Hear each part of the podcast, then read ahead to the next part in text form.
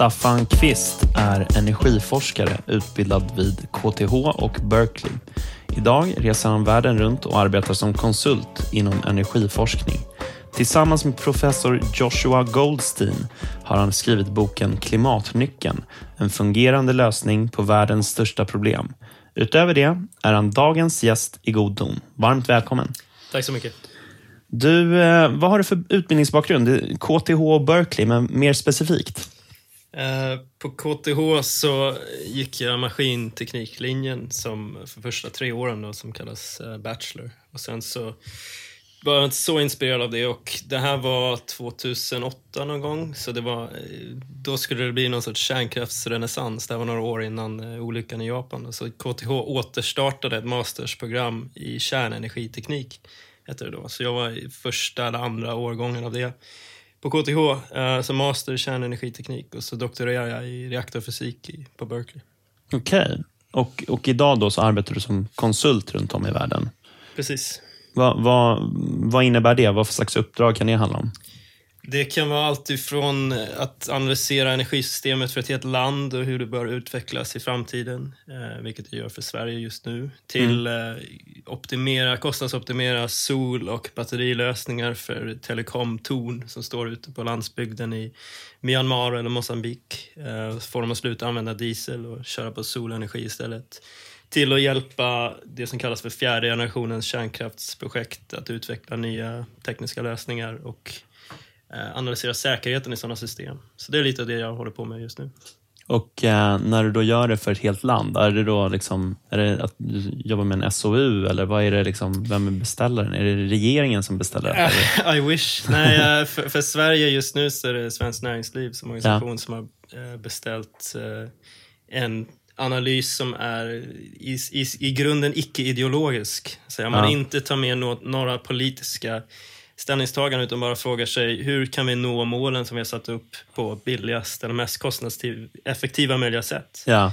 Utan att säga vi tycker om det här eller vi tycker inte om det här utan bara vi har mål, hur når vi dit? Eh, och det tyvärr görs inte så mycket i Sverige.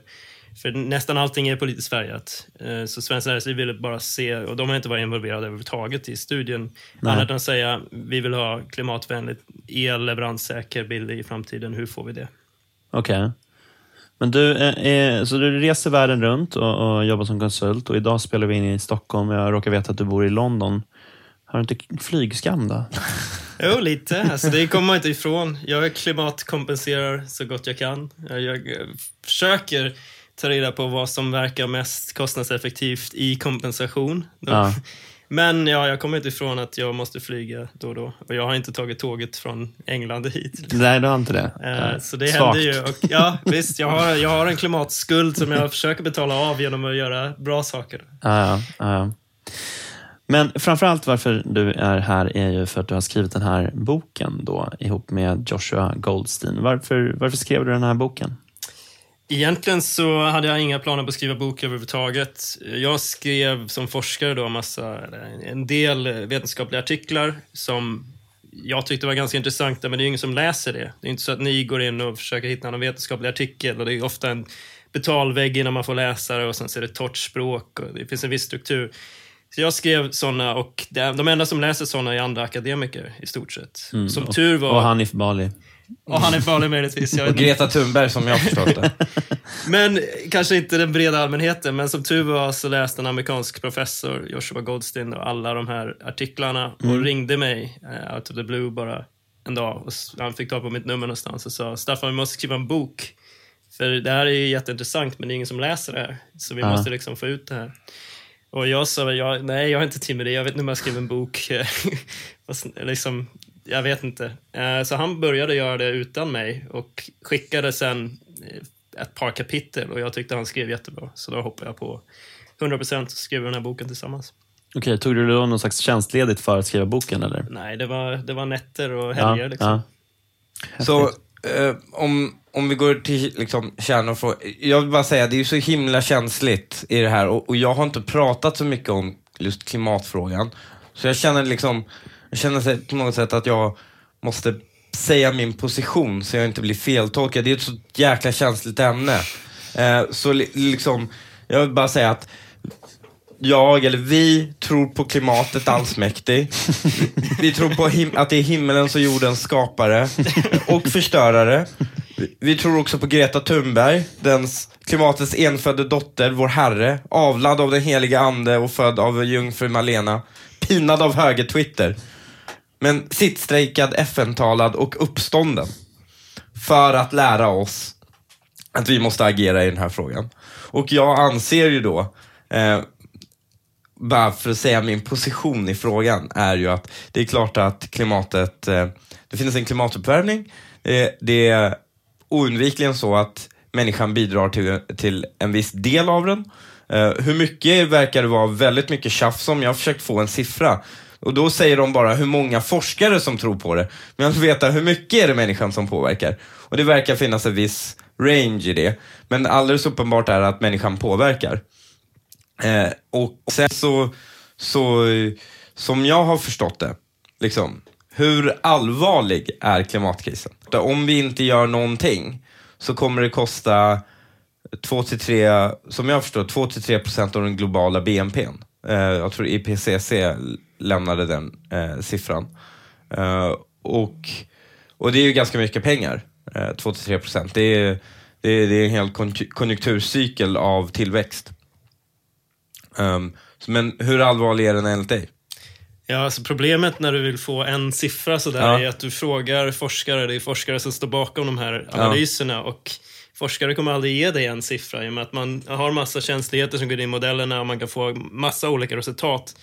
Så man måste försöka få till någon sorts konsensus av var man tänker att det är troligt att ungefär vi hamnar. Liksom. Men jag skulle vilja höja blicken från bara BNP-kostnader. Man kan ju räkna om, man måste räkna om allting till kostnader tyvärr i slutet för att kunna optimera någonting. Men det, det finns, oavsett om du är klimatförnekare som det kallas i Sverige eller skeptiker, så finns det ju enorma problem som är, inte går att diskutera med att förbränna fossila bränslen. Det finns luftföroreningar, det finns människor som dör av dessa luftföroreningar i miljontal varje år. Eh, som är gott och väl nog för att med, med stor brådska sluta förbränna fossila bränslen om man kan. Eh, sen exakt hur svåra klimatproblem vi kommer få, det är ingen som kan stå bakom 100% och säga precis så här kommer det bli. Det enda vi kan göra, vi som inte är klimatexperter, jag är inte klimatforskare, eh, ingen av er två är heller. Liksom. Det vi kan göra är att försöka lyssna på de som verkar kunna det här bäst och, och se ungefär hur de tror att det kommer bli.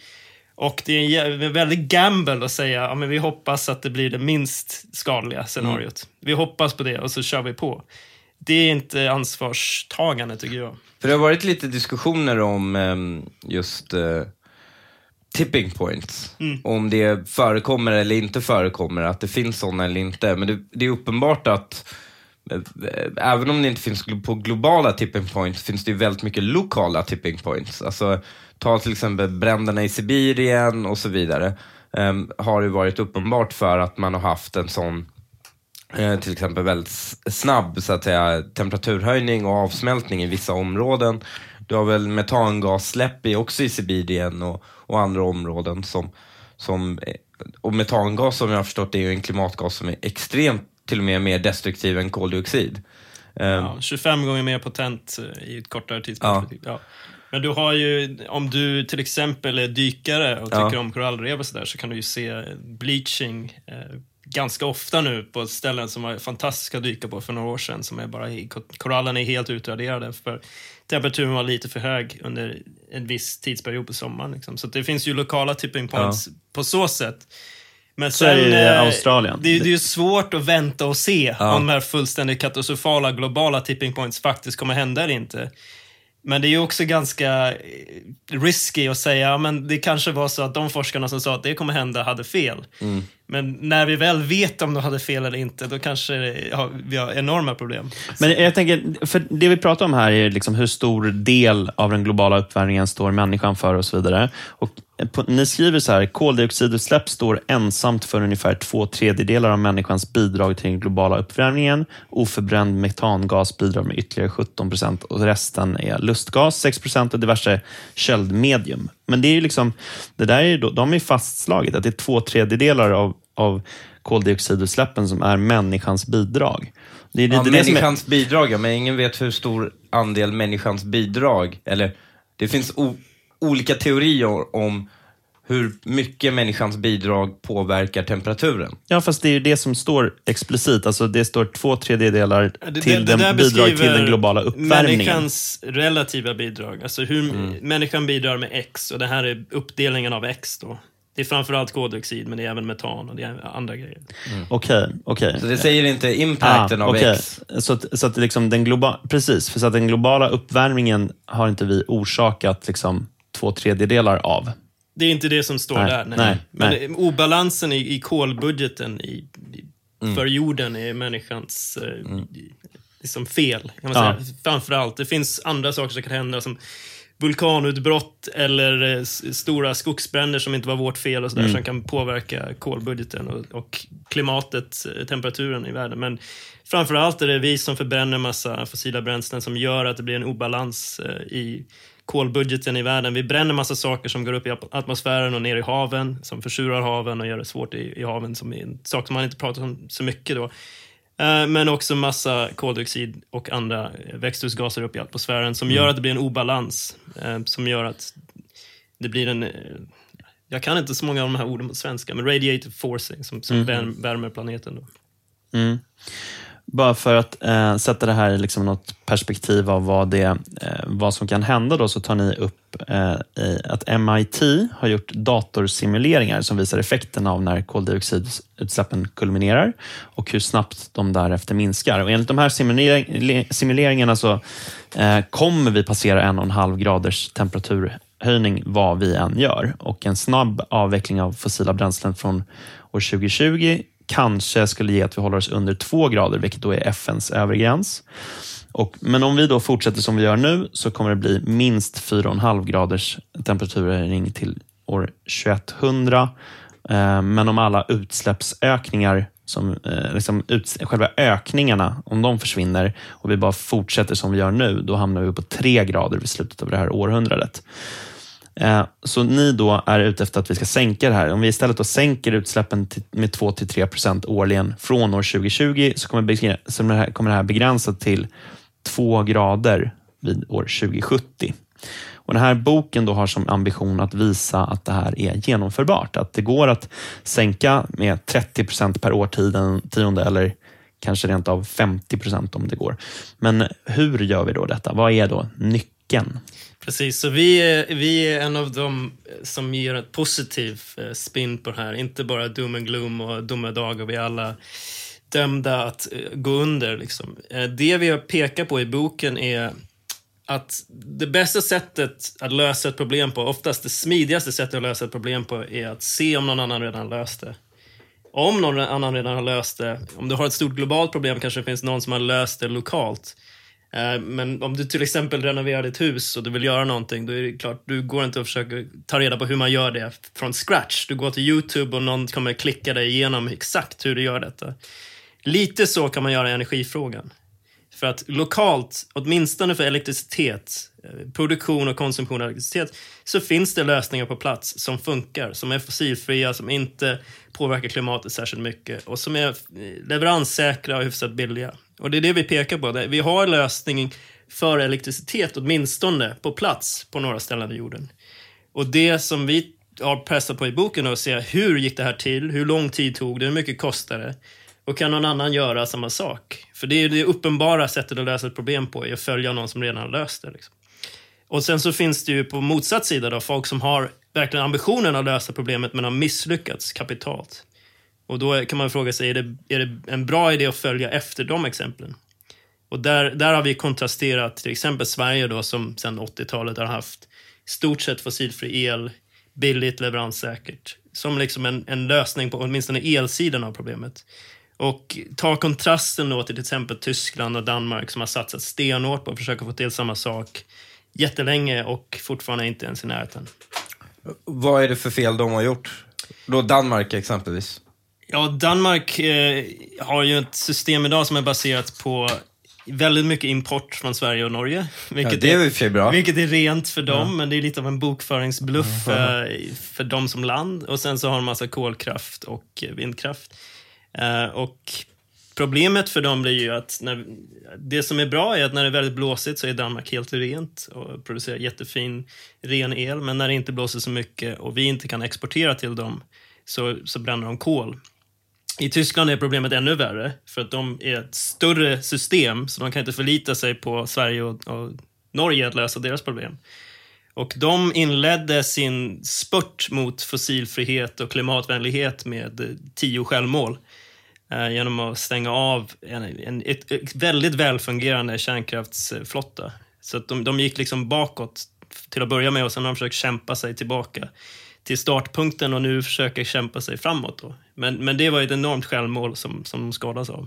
Men eh, till exempel Frankrike, då, de är väl kanske det land i Europa som är högst andel energi från, från kärnkraft.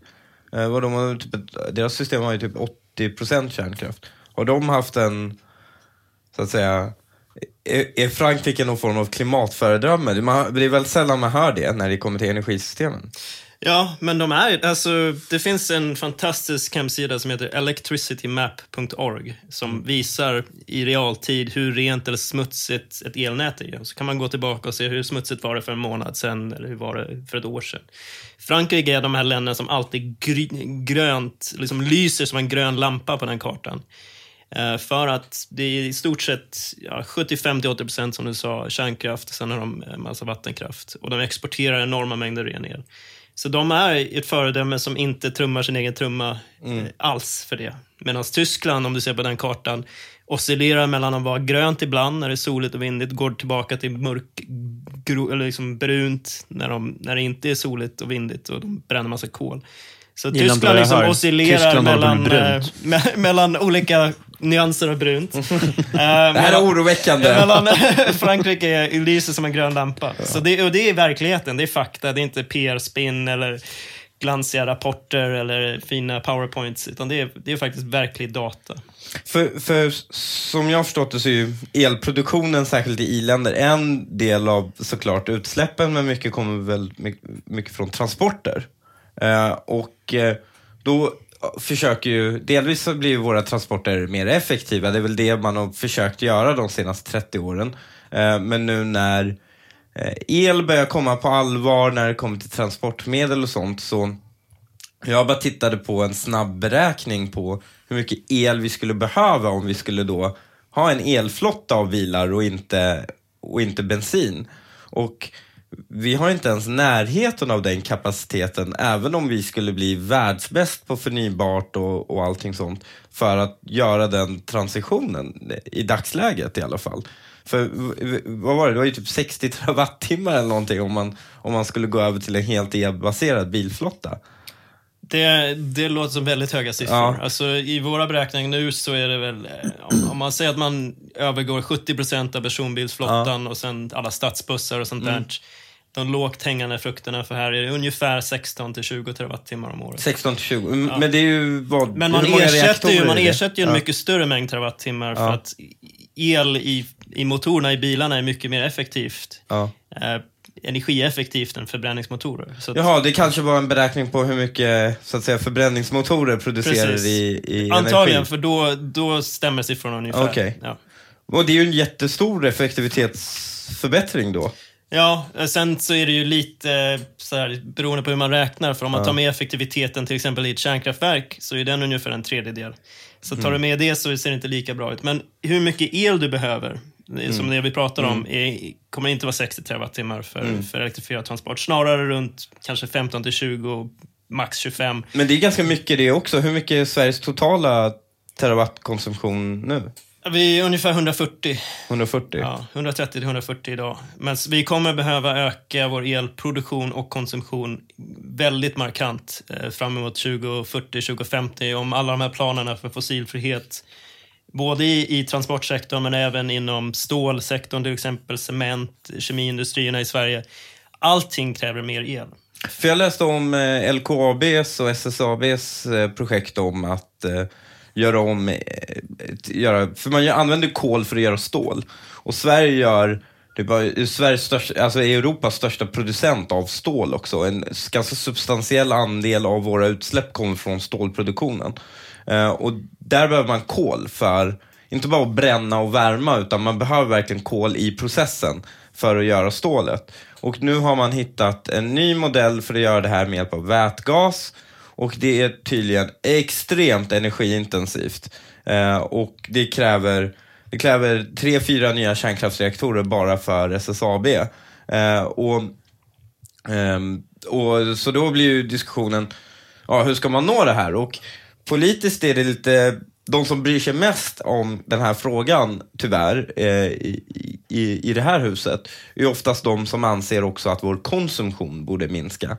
För förhållandet till klimatfrågan, som jag har märkt, det, det, det finns liksom tre skolor. En är fuck you, jag vill inte lyssna på det här.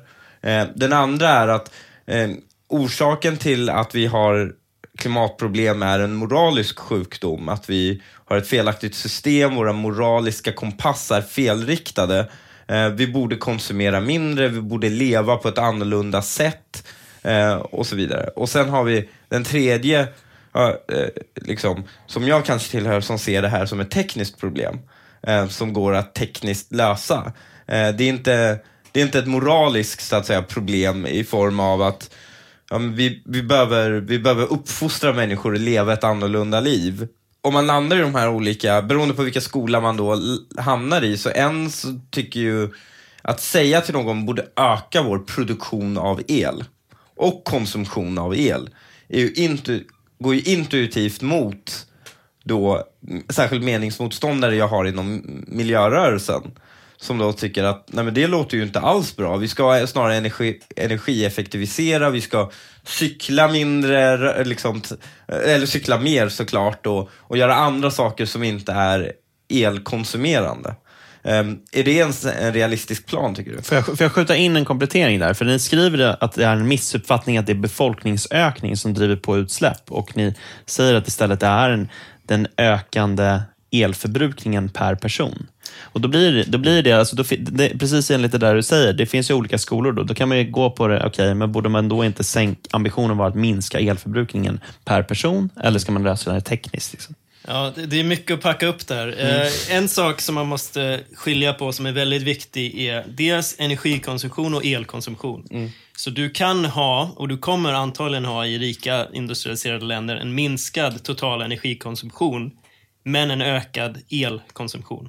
Det man gör till exempel när du ersätter förbränningsmotorer i, i bilar så ökar du elkonsumtionen och kanske minskar energikonsumtionen. Så mm. De två sakerna kan vara sanna samtidigt.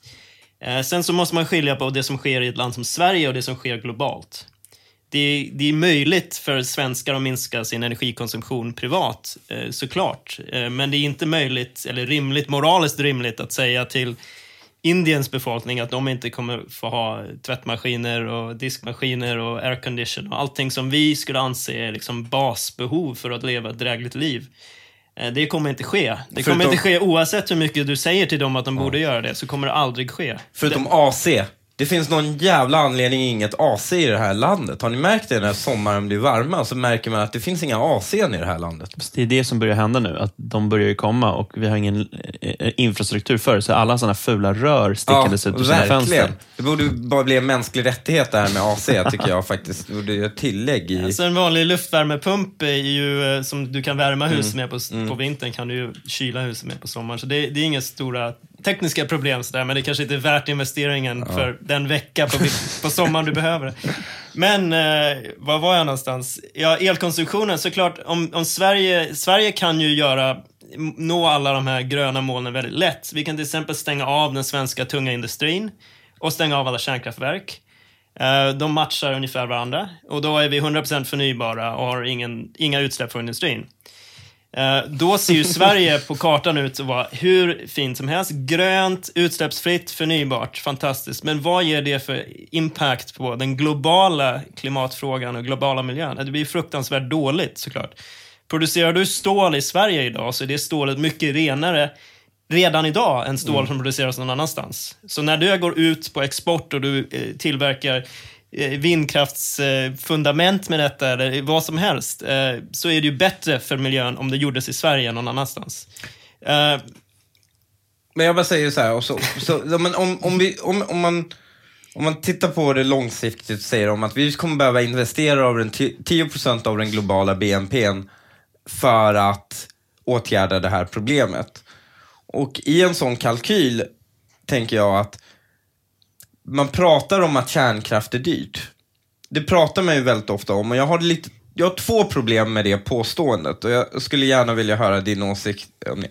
För det första, i relation till vad? Um, för det man säger är då kärnkraft är dyrt i rela relation till andra energislag. Fast alla energislag är ju inte varandra lika. Um, utan du har vindkraft som, och solkraft som finns så att säga, tillgängligt ibland och du inte har kontroll på det.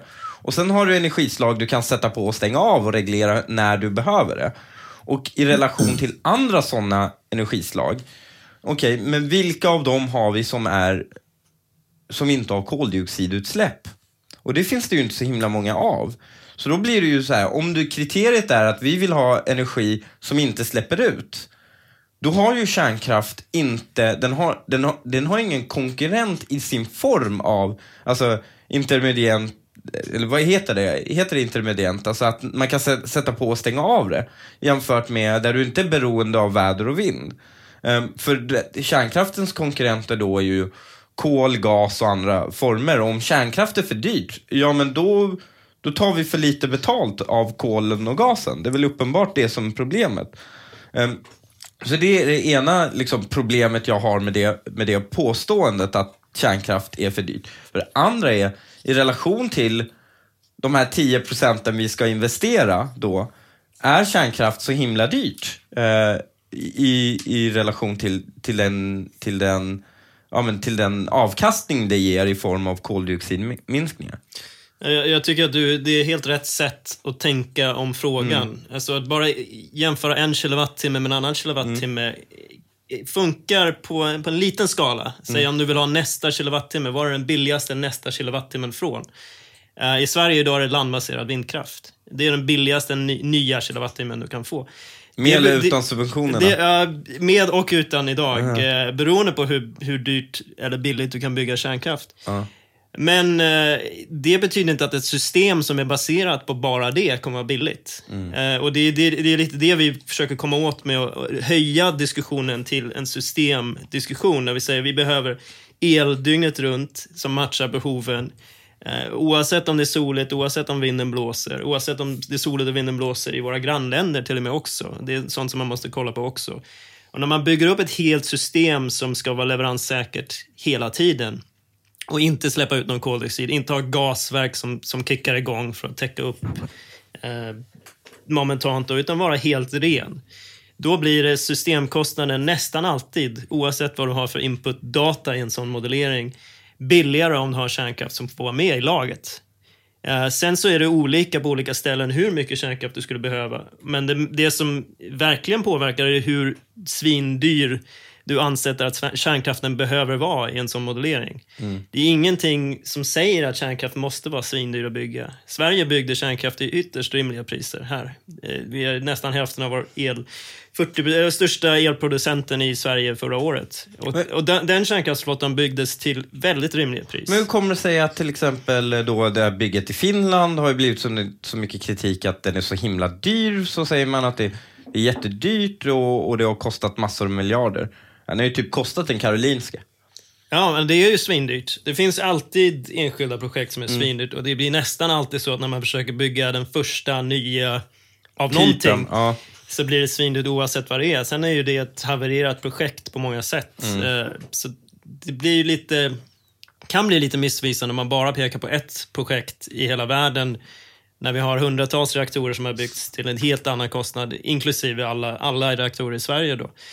Eh, så det är en lite pessimistisk syn när man ofta har en extremt optimistisk syn på hur billigt allting annat kommer att bli.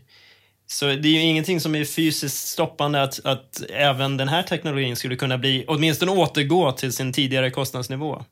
Men du tar upp i boken eh, Sydkorea som ett exempel på hur man kan bygga kärnkraft billigt. Alltså det de gör är att de bygger på samma sätt. Alltså att man eh, inte bygger, man uppfinner inte hjulet varje gång, liksom, utan att man bygger samma typ av kärnkraftverk flera gånger och då blir det liksom effektivisering och sådär. Och man lär sig av hur man gjort det. Det krävs ju lite om man pekar med hela handen där. Mm. så om, om du bygger en one-off av någonting, alltså en iPhone kostar 10 miljarder dollar. Men den 100 miljontonde iPhonen kostar 20 dollar. Men är det inte så USA gjorde på 50-60-talet? De hade det här Nuclears for Peace-projektet där man bara exporterade eh, amerikanska kärnkraftverk, helt enkelt hur man skulle göra det, kärnkraftsteknik, till sina allierade för att eh, man trodde ja, men vi, vi löser väldigt mycket av säkerhetsproblemen i världen om vi ger människor tillgång till billig energi.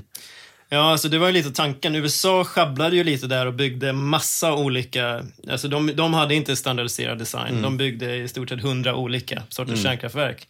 Så det finns ett skämt i USA som säger, jämfört med Frankrike då som är det, det bästa exemplet på hur man gör det här väl, då, så säger man att i USA finns det hundra olika sorters reaktorer och två sorters ost. Och I Frankrike är det motsatt, hundra sorters ost och två sorters reaktorer. Och det är mycket bättre sätt att göra det. Det är bra att ha massa olika sorters ost och standardiserade reaktorer som man trycker ut en efter en efter en. Efter en. Då, då vet de som bygger de här reaktorerna hur man gör. Kanske inte för första bygget, kanske inte andra är perfekt.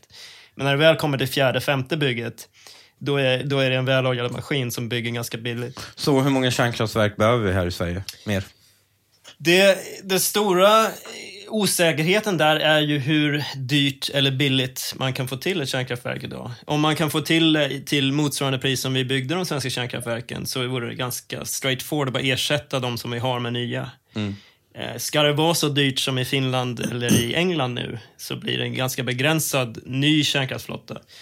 Men det är också, där kan man också packa upp att våra existerande kärnkraftverk är helt fine att köra ganska länge till. Många, många decennier till. Mm. Utan några problem, med ganska låga investeringar. Mm. Så det finns, inget, det finns ingen stress att stänga av någon av de här reaktorerna och det är samhällsekonomiskt skadligt och klimatmässigt skadligt att göra det. Så det är den första frågan. Det, det, första vi började göra för, för klimatet och för Sveriges elförsörjning är att inte stänga av det som vi har och fungerar. Mm. Sen kan vi börja diskutera hur bäst vi kan förse den här ökade elbehoven vi kommer ha i nära framtid. För jag vill ju, för jag vill ju att LKAB ska kunna, och, och SSAB ska kunna gå över till den här nya formen av liksom, kolbefriad stålproduktion. Jag vill att eh, liksom, Eh, helst inte jag, men alla andra börjar köra elbil. Eh, och, eh, och, nej men, det, det, det vore ju optimalt att ha en elbilsflotta till vardags och så får folk köra roliga bilar bara som en söndagshobby. Eh, och, och, Man får dras med de tråkiga Teslorna till vardags. Ja, exakt. Uh, och, och, och liksom, ja, men självkörande bilar och allt det där som, som, som framtiden utlovar. Um, så det vore ju, det vore ju liksom, ja, det vore ju väldigt bra, men då behöver vi massor av mer el och jag ser inte direkt exakt eh, hur vi ska kunna lösa det med, med tanke på, särskilt på vintrarna i det här landet, eh, utan att ha fler kärnkraftverk. Och då undrar man ju liksom, hur många behöver vi? Går det att göra, för de, det som slog mig är ju lite att eh, folk du kan inte liksom bara göra ett kärnkraftverk som producerar jätte, jätte, jättemycket el, utan, utan de här reaktorerna har väl någon form av, eh, de, mest, de allra största har väl även de en viss maxgräns, hur mycket man kan skala dem, eller? Ja, de största som byggs i världen nu är motsvarande det som byggs i Finland, 1,6 mm. gigawatt ungefär. Så mm. typ eh, bastant större än snittet i Sverige på reaktorer. Men ja. Men där är ungefär övergränsen. Det är ingen som försöker bygga någonting större än så. Ja. Och då, hur många behöver vi för att då ersätta, låt oss säga, bilflottan 80% blir el, eh, en, liksom, eh, få en stabil energi, kanske få ner elpriset lite så konsumenterna blir glada. Alltså om du, om du hade ett system där du fortsätter, om du drifttidsförlänger ja, existerande svensk kärnkraft, mm. Eh, kanske till och med kolla på nu, återstarta Oskarshamn 2 och definitivt kör vidare Ringhals 1 och 2. Är det för sent för Barsebäck? Den är begravd då? Barsebäck är tyvärr eh, för sent. Jävla danskjävlar. Ja. Men, men sajten går ju givetvis att använda. Mm. Det är ett fantastiskt eh, ställe för att göra mm. det. Man ska kunna köra fjärrvärme ner till Lund och Malmö därifrån också. Men om du kör vidare alla dem och du vill ha till exempel elektrifierad transport och hybridprojektet mm. då, alltså reducering av järnmalm Eh, med vätgas och två, tre sådana här EPR då, eh, plus all, allt vi har skulle kunna tillgodose det ungefär. Två, tre kärnkraftverk. Av, av den största typen. Sen Ja. är ju, den har ju inte visat sig vara den, den mest kostnadsoptimala till, liksom, reaktorn att bygga, så det är kanske inte att föredra för oss om man kollar på Fast jag bara, tänker, erfarenhet. jag bara tänker, för, eh, det är ju lite av en orättvis jämförelse man gör, för det man tittar på är ju hur mycket kostar den att bygga? Eh, och sen så jämför du den siffran, hur mycket kostar den att bygga, om du slår ut det på hur många år den står också. Eh, till, för driftskostnaderna drar den ju in genom sin, sin så att säga, sin produktion förhoppningsvis och även investeringskostnaden. Men även om du exkluderar det och säger att ja, vi, vi subventionerar själva produktionen av eh, själva bygget eh, extremt mycket.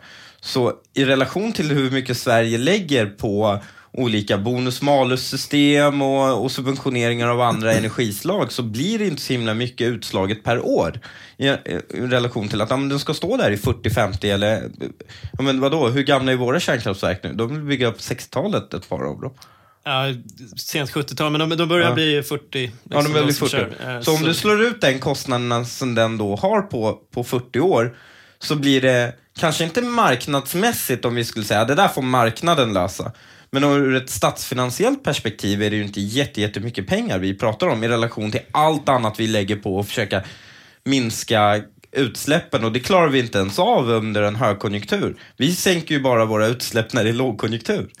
Det jag tycker man borde göra är det som vi försöker göra nu. Jag kan säga, vi har vissa mål. Till exempel vi vill eh, få bort kolförbränning inom stålproduktion. Vi vill få bort förbränningsmotorn ur vår transportflotta. Då vet vi ungefär hur mycket mer el vi behöver. Vi vet ungefär vilken fördelning av el vi behöver året för att få till det. Och vi vet ungefär när vi vill få till det, när det ska vara klart. Typ 2045 vill vi ha klart allting. Sen så kan, har man en meny av alternativ för att få till det här. Du har vindkraft till havs, du har vindkraft på land, du har sol på ett hustak, du har sol i parker, du har kärnkraft, du har kanske en expansion av vattenkraft om någon tycker att det är rimligt acceptabelt. Det man bör göra, det som är vetenskapligt sunt att göra, är att beräkna vilken kombination av den här menyn ger lägst systemkostnad. Och sen försöka få till en marknad som pekar åt det hållet. Vi har en avreglerad elmarknad idag, men det är ingenting som byggs. Du, kan handla el, men det är ingen som bygger någonting. På den, den marknaden fungerar inte. Det är inte, en, det är inte en, i mitt tycke en bra marknad att avreglera på så sätt. För att det är ing- ingen ny produktion som kommer till utan subventioner. Eh, Så det, Det kommer vi inte måste ens göra... till nya elledningar utan subventioner. Sa Stockholm nu, jag var på ett seminarium i Almedalen eh, där eh, det var Stockholm, det, var, det, var det var Stockholm Exergi och lite andra sådana här bolag och Svenska kraftnät och nätbolagen. Som, där det stora problemet var, Stockholm var slut på el. Och därutöver så har har man ju lagt på nya utsläppsskatter och så vidare, så man måste fimpa den här reaktorn. Det finns en 600 megawatts eh, reaktor som eh, går på, eh, eh som är i Värtahamnen. Eh, och när man fimpar den eh, så blir det brist på el i Stockholm. I och med att elen måste komma utifrån, det finns inte ens infrastrukturen att ta in den elen utifrån. Ehm, så det finns inga elledningar och ingen vill investera i de här elledningarna också, utan alla skyller bara på varandra. Ehm, så el, eh, nätbolagen skyller på elproducenterna och sen skyller elproducenterna på nätbolagen och de, de i sin tur senare skyller på Svenska kraftnät på att det inte finns tillräckligt mycket input. Så det verkar vara så att vi ligger extremt mycket efter i allmän investering i elinfrastruktur. Ja, alltså våra elnät börjar bli till åren generellt. Både stamnät men definitivt regional och lokalnät har ju enorma investeringsbehov. Men jag tror att ni som till exempel moderata politiker då, eller moderat ja, sakkunniga och politiker, det krävs ett litet omtänk om vad marknaden, den fria marknadens roll är i grundläggande infrastruktur. Och om man tror att en fri marknadslösning med de ledtider man har i det här och de samhällsekonomiska effekter det här har, om det, om det verkligen är optimalt. Ja, men jag tror inte det, för att ska någonting funka på en fri marknad måste marknaden kunna fungera relativt fritt. Men det krävs så himla många politiska beslut och så, det finns så himla mycket politik inblandat i om du ska dra en kabel någonstans eller inte. Det är ingenting som sker liksom det är inte vilda västern att någon bara köper lite mark där den kan sätta upp lite kablar och sen så drar den kablarna där. Utan det är ju enorma ledtider, det är enorma investeringskostnader och så är det enorm politisk osäkerhet. Och det räcker med att en kommun sätter sig på tvären så är hela det projektet dött. Så, så, jag, så jag tror inte det är så himla smart att behandla det som en ja men här är laissez-faire-marknad och, och det här löser marknaden själv. Det är ju också ett missförstånd att vi har någon sorts marknad, alltså mm. fri marknad. Elnäten är ju koncession, alltså det, mm. det, är ju reglerat. Det är ju inte alls fritt även idag. Och stamnätet ägs ju av Svenska kraftnät som är statligt. Det är väl uppdelade Så, monopol, är det inte? Ja, men producentsidan är ju i, i media i alla fall fri, mm. men den är ju inte fri. Det är ju en marknad som är genomsyrad av subventioner och straffskatter. Liksom. Så det finns ju ingen laissez-faire mm. ändå. Men även om det hade funnits det så finns det, jag tycker inte det finns någonting som pekar på att det ger ett optimalt system. Och det är, det är inte som mobiltelefoner liksom. Det är fantastiskt om du har massa olika företag som konkurrerar om att bygga bäst mobiltelefon. Men elmarknaden och grundläggande infrastruktur överhuvudtaget fungerar inte riktigt på samma sätt. Dels på grund av ledtiderna, dels på grund av den enorma samhällsekonomiska påverkan man har. Eh, och dels för att den fria marknaden inte levererar det vi vill. Och det ser man ju på till exempel då luftföroreningar och klimatförändringar. Det är ju det som den fria marknaden, eller reglerade marknaden också har levererat.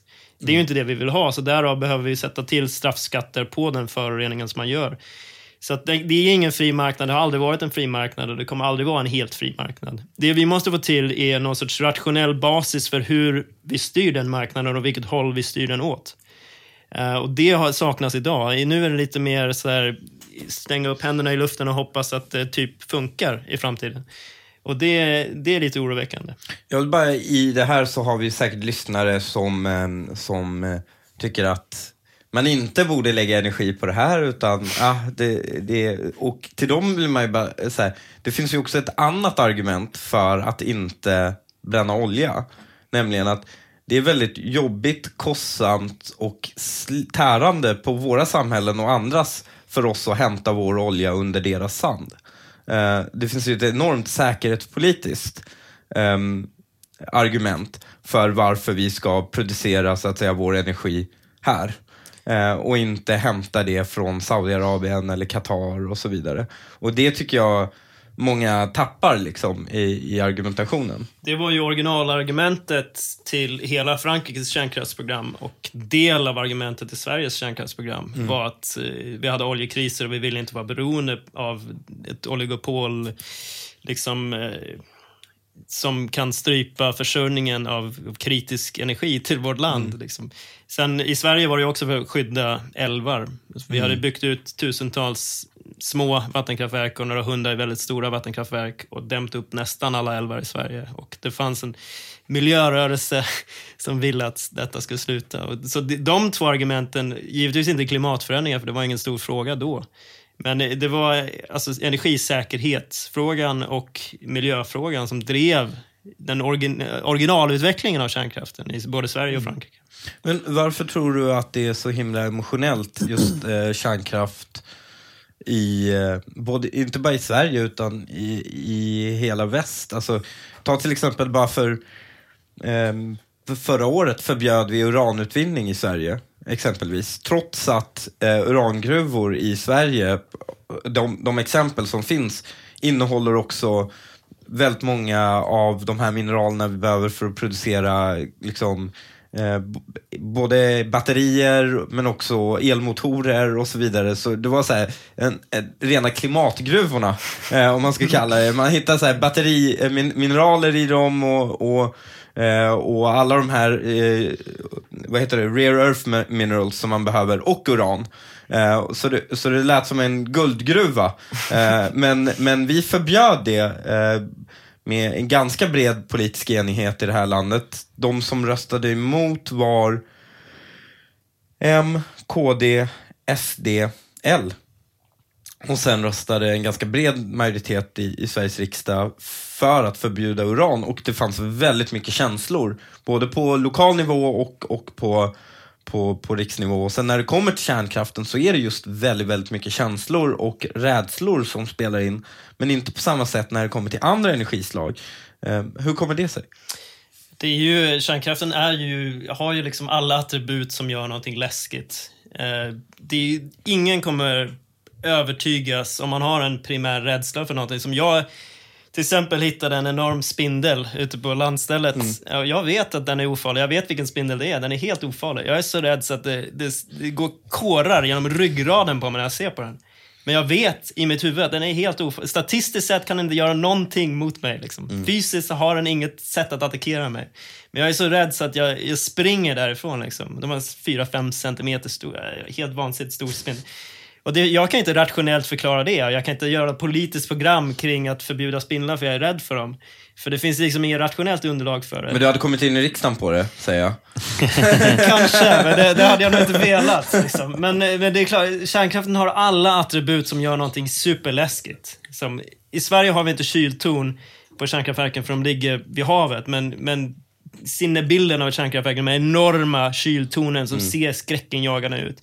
Sen är det väldigt få som har tid att sätta sig in och förstå vad som faktiskt händer i ett kärnkraftverk. Och sen har du liksom media guld i filmer och i, liksom i serier och, som kan fantisera om vad som skulle kunna hända. Så du har liksom en, en perfect storm av allting som gör någonting läskigt.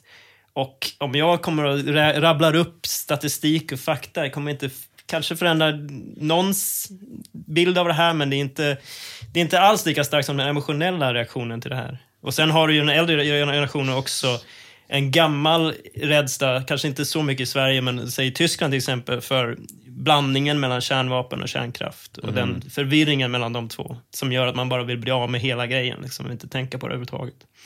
Så det, där är, man kämpar lite emotionellt mot fakta där, som, och det är en väldigt svår säkert spindelfantasterna har samma problem när de försöker säga att spindlar är egentligen ganska gulliga. Liksom. Eh, de, och de kan visa på statistik på det också, men, men det är en väldigt svår fight att ta. Liksom. Men om man ska eh, ändå så fundera över hur pass farligt det är. Alltså för att det finns ju ändå, det har ju varit olyckor. Harrisburg, Tjernobyl och Fukushima exempelvis. Vad, vad, vad har du att säga om dem? Alltså, exempelvis eh, är det intressant att höra hur, hur många är det som har dött med anledning av de här olyckorna exempelvis? Två av dem är fruktansvärda olyckor. Det går inte att säga någonting annat än fruktansvärda olyckor. Vilka av dem? De två senaste. Så mm. Harrisburg skadades inte en fluga. Mm. Så det är en, det är en in, intern industriolycka som var dyrt för ett kraftbolag. That's mm. it. Uh, blev spunnen i media på den tiden eh, till någonting helt annat. Men det, det är fullständig konsensus att ingen överhuvudtaget skadades i den olyckan alls. Så om man rankar olyckor i världen så kommer det inte upp på topp miljonlistan. Liksom.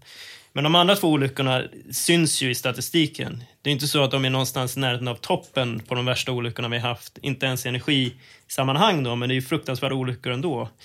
Men det som vi försöker påvisa i boken och försöker prata om är att allting har negativa sidor. Precis allting vi gör har negativa sidor och positiva sidor, för annars skulle vi inte göra det. Uh, och det man måste väga är de negativa sidorna mot de positiva sidorna. Och jag brukar ta vattenkraft som exempel. Ja, det... Kanske den, den, mest ideala formen mm. av elproduktion. Uh, rent, inga utsläpp, du kan variera produktionen, du kan spara i svenska magasin, kan du spara hur mycket el som helst, det är bara att hålla vattnet där. Det finns inget bättre sätt att producera el. Men även vattenkraft har ju en, en negativ sida. Uh, till exempel då olyckor vilket sker kontinuerligt. Även idag sker svåra vattenkraftsolyckor.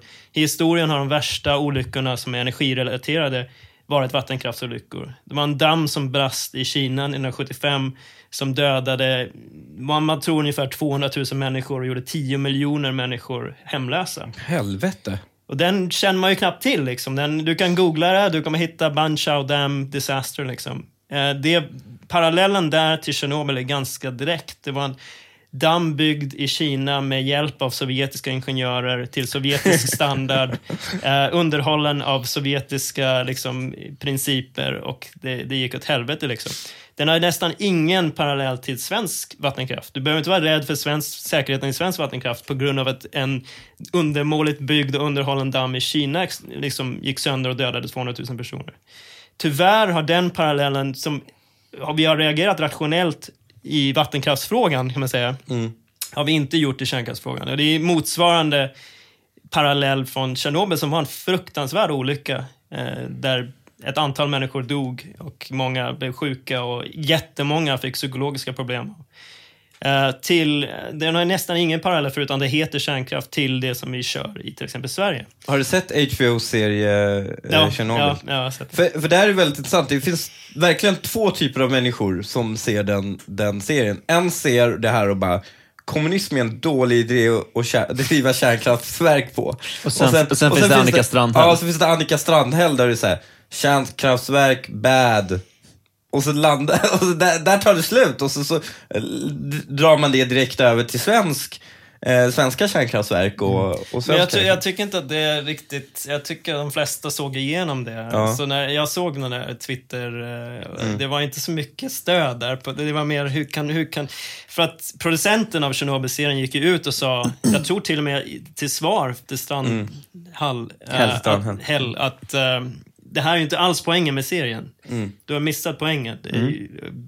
Det är ju lögnerna. det här systemet Ja. fungerar inte för att driva någonting. Alltså, va- varken storskalig kärnkraft eller vattenkraft eller en ja, samhälle överhuvudtaget. Liksom. Och det var poängen där. Men, Men alltså att man eh, styrs av det här, alltså de här känslosvallen. För att jag, jag fiskade lite efter eh, de antalet döda, för det är noll döda i Fukushima-katastrofen också.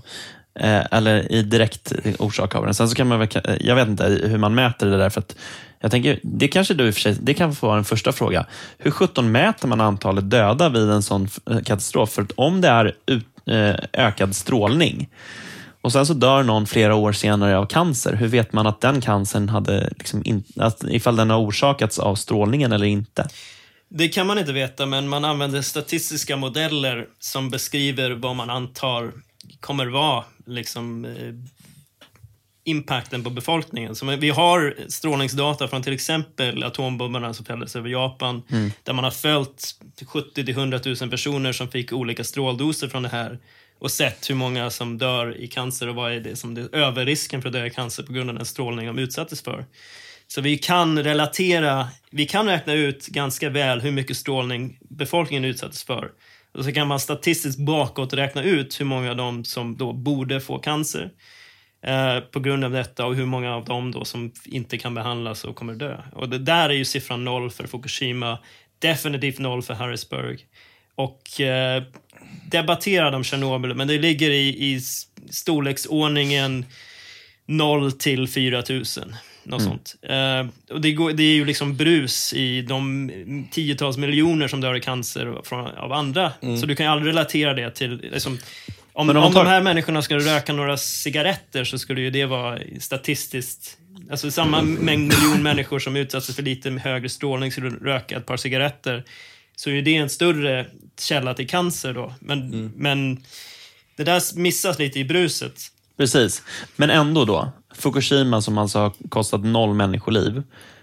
Vad hade det för impact på Tyskland och Frankrike i fråga om kärnkraftsfrågan? Alltså det där stämmer ju inte om man tänker ett steg längre. Fukushima har kostat tiotusentals människors liv indirekt på grund av eh, politiska beslut som togs av den olyckan. Så ingen... Dels så dog människor, kanske 1500 personer dog på grund av en, i efterhand åtminstone, onödig nödevakuering i områden som inte alls hade behövt evakueras alls. Eh, I Japan då, men den största döds... Liksom, talen- 1500? Ja. Typ. Eh, som kan härledas till nödevakuering då. Eh, som i, var onödig, mer eller mindre. Jävlar, det är, det är jättemånga för, ett, för, transport av människor känns Ja, det alltså du, de slet ju ut människor som låg döende på sjukhus liksom. Som för, för en statistisk ökad risk för cancer över deras livstid på 0,01 procent. Eh, så det, det är ju vansinnigt på så sätt. Men, eh, men den största impacten det har är att Tyskland stängde av massa kärnkraft, Japan stängde av massa kärnkraft och därigenom bränner massa mer kol som dödar tiotusentals människor varje år. Så där har vi den stora health impact av den Och även. Frankrike.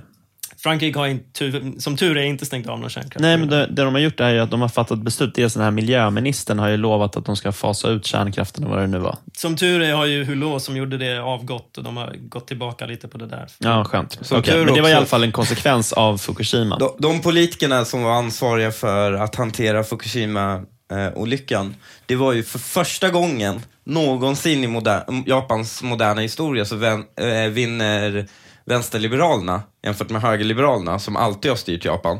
Eh, och eh, precis när de tar över och är helt gröna och kan inte det här med att styra landet, eh, då, då sker Fukushima och då blir det ju en katastrof. Och då kollapsar ju deras parti, så de försvinner också. Så då kommer högerliberalerna tillbaka och de, de har inga planer på att avskaffa Så kärnkraftverk. bakom Men jag varje tycker, moln. jag tycker det, det är lite perverst hur vi pratar om det här. Alltså, det var en episk naturkatastrof som dödade över 16 000 personer. Och det är ingen som nämner överhuvudtaget. Jag vet inte ens om någon minns det. Ja. Det man pratar om är Ka- Fukushima-katastrofen. Då. Inte att liksom all övrig... eh, Det, det, det brast vattenkraftsdammar till exempel som dödade flera personer i Japan Mm. till exempel, förutom alla explosioner i alla naturgasanläggningar och oljeraffinaderier och liksom allting annat som fallerade och dödade. Det, det har man liksom glömt och det som man pratar om idag är den här så kallade katastrofen. Vilket är, jag tycker är lite störande. Jag var i, i, i Fukushima-området 2012 och mätte strålning och hjälpte till. Uh, och det liksom var, hela städer var ju helt upp och ner, utraderade liksom av tsunamin. Eh, det var ju det som hände där. Det är ju den stora händelsen. Men det är inte det man minns, tyvärr. Nej. Det, men det där, alltså, precis som du pratar om det här, eh, kulturen runt också. Jag och Hanif snackade om det här innan. Att av en händelse så lyssnade jag på en låt av, eh, av Cornelis häromdagen. Där han sjunger så här, eh, för var dag blir det bättre men bra lär det aldrig bli. Förutom, det är liksom refrängen. Men förutom på en punkt då. Och det är eh, av radioaktiv klåda eh, från radioaktivt klot, eh, sot. Då blir det så här, då sjunger en typ eh, av den blir du aldrig bättre och bra lär det aldrig bli. Alltså så här, så den, liksom så här, ryggmärgsförhållningssättet kring då radioaktivitet är inom vår kultur, att så här, ja, och även inom populärkulturen, att det är det absolut farligaste som finns. Så även om en tsunami har dragit in och dödat 16 000 så kommer man så här, jo men var det inte ett kärnkraftverk där också? Så det blir, liksom, det blir storyn. Tack vet man på 20-talet då det blev supertrendigt med radioaktivitet. Och då eh, Ramlösa brunn som körde, de, de har ju lite högre halter av radioaktivitet än annan vatten. Eh, I och med att det är källvatten. Så de gjorde reklam för att de är det radioaktiva vattnet. Nu kommer du döda Ramlösas försäljningar i Sverige. Men eh, de, de har tagit bort det nu, men det är lika hög rad- radioaktivitet i vattnet. Det är lite förhöjd radioaktivitet, men det är ju jättelågt. Men det var ju supertrendigt med radioaktivitet på 20-talet. Och då gick det ju så långt att man hade ju så här äh, radioaktiva klockor eh, då man målade med radioaktiv eh, färg på dem, för de var självlysande i mörker och det var ju skitfett. Och de här de som målade på de här med penslarna, de brukade, de brukade spetsa till penseln med, med, med, med sina munnar. Eh, och eh, när folk började så här, tappa sin käke och grejer, eh, då, då, då, då, då tänkte man, att, kan det finnas något farligt med det här? men, men vi har kommit en, eh, en bit från det, eh, bara rent tekniskt. Och jag tänkte fråga lite om framtiden. Vi har pratat om nuvarande tekniker och, och, och, och så, men hur ser, hur ser framtiden ut för kärnkraftverk? Vilka tekniker står liksom inför hörnet om vi då skippar fusionen? Som, som alltid är lovande och snart, snart kommer genombrottet. Men om vi tittar på, på just bara fission. Eh, vad är det för nya tekniker som utvecklas? Investeras det tillräckligt mycket eh, i den typen av forskningen och vad lovar den? Ja, så det som håller på att byggas idag är det som kallas för generation 3 eller 3 plus, som är en generation senare än det vi har i Sverige idag. Och det är inte så revolutionerande nytt. Det är, det är högre säkerhetsmarginaler, lite mer effektivt, du kan bränna bränslet lite mer. Ja, Men det är ju i stort sett samma teknik vidareutvecklad. Och det som står inför dörren då, bakom dörren, nu är det som kallas generation 4 som är ganska radikalt annorlunda än det vi har byggt idag. Och framförallt, den stora tekniska skillnaden är att alla en väldigt stor andel av världens kärnkraft idag kyls av vatten. Men det finns ännu bättre kylmedel än vatten. Och det man forskar på och i viss skala bygger då i andra anläggningar som använder andra kylmedel än vatten. Och det man kan möjliggöra med detta är dels en ännu mer höjd säkerhetsnivå, men också att man kan återanvända bränslet. Så att det som vi ska stoppa ner i backen nu skulle man kunna förbränna vi kanske har använt 0,6-0,7 procent av energin som man skulle kunna få ut av det materialet innan vi stoppar ner i backen nu. Och förhoppningen är att man ska kunna nå upp till över 90 procent. Så förbränna det som vi kallar avfall idag blir då en resurs i sådana typer av verk. Och då kyls de, det finns jättemånga olika tekniker som, som jag har förstått. Alltså det är eh, salt, eh, bly ja. eh, och, och lite sådär. Och vilken är det som har kommit längst, tycker du, forskningsmässigt? Det, det som har kommit längst historiskt är natrium. natrium. Eh, mm. det har byggts och, eh, i många länder och det är två stora natriumreaktorer igång idag som funkar ganska bra i Ryssland. Så den, den sortens generation 4-teknologi är redan i drift. Eh, mm. Så det är inte så framtid på, på ritbordet, utan två stora sådana reaktorer producerar kommersiellt el i, i Ryssland till det ryska elnätet. Eh, så den är ju mest mogen kan man säga. Sen har vi eh, stora projekt idag som är det mest populära, så internetpopulära och delvis finansieringspopulära är saltreaktorer mm. idag. Så det finns säkert 30-35 startups med varierande finansiering från typ noll till ganska bastanta summor pengar som investeras i att kommersialisera Eh, saltsmältreaktorer då, som är på pappret fantastiska. Det har körts testprototypreaktorer test, eh, prototypreaktorer som har funkat väldigt bra.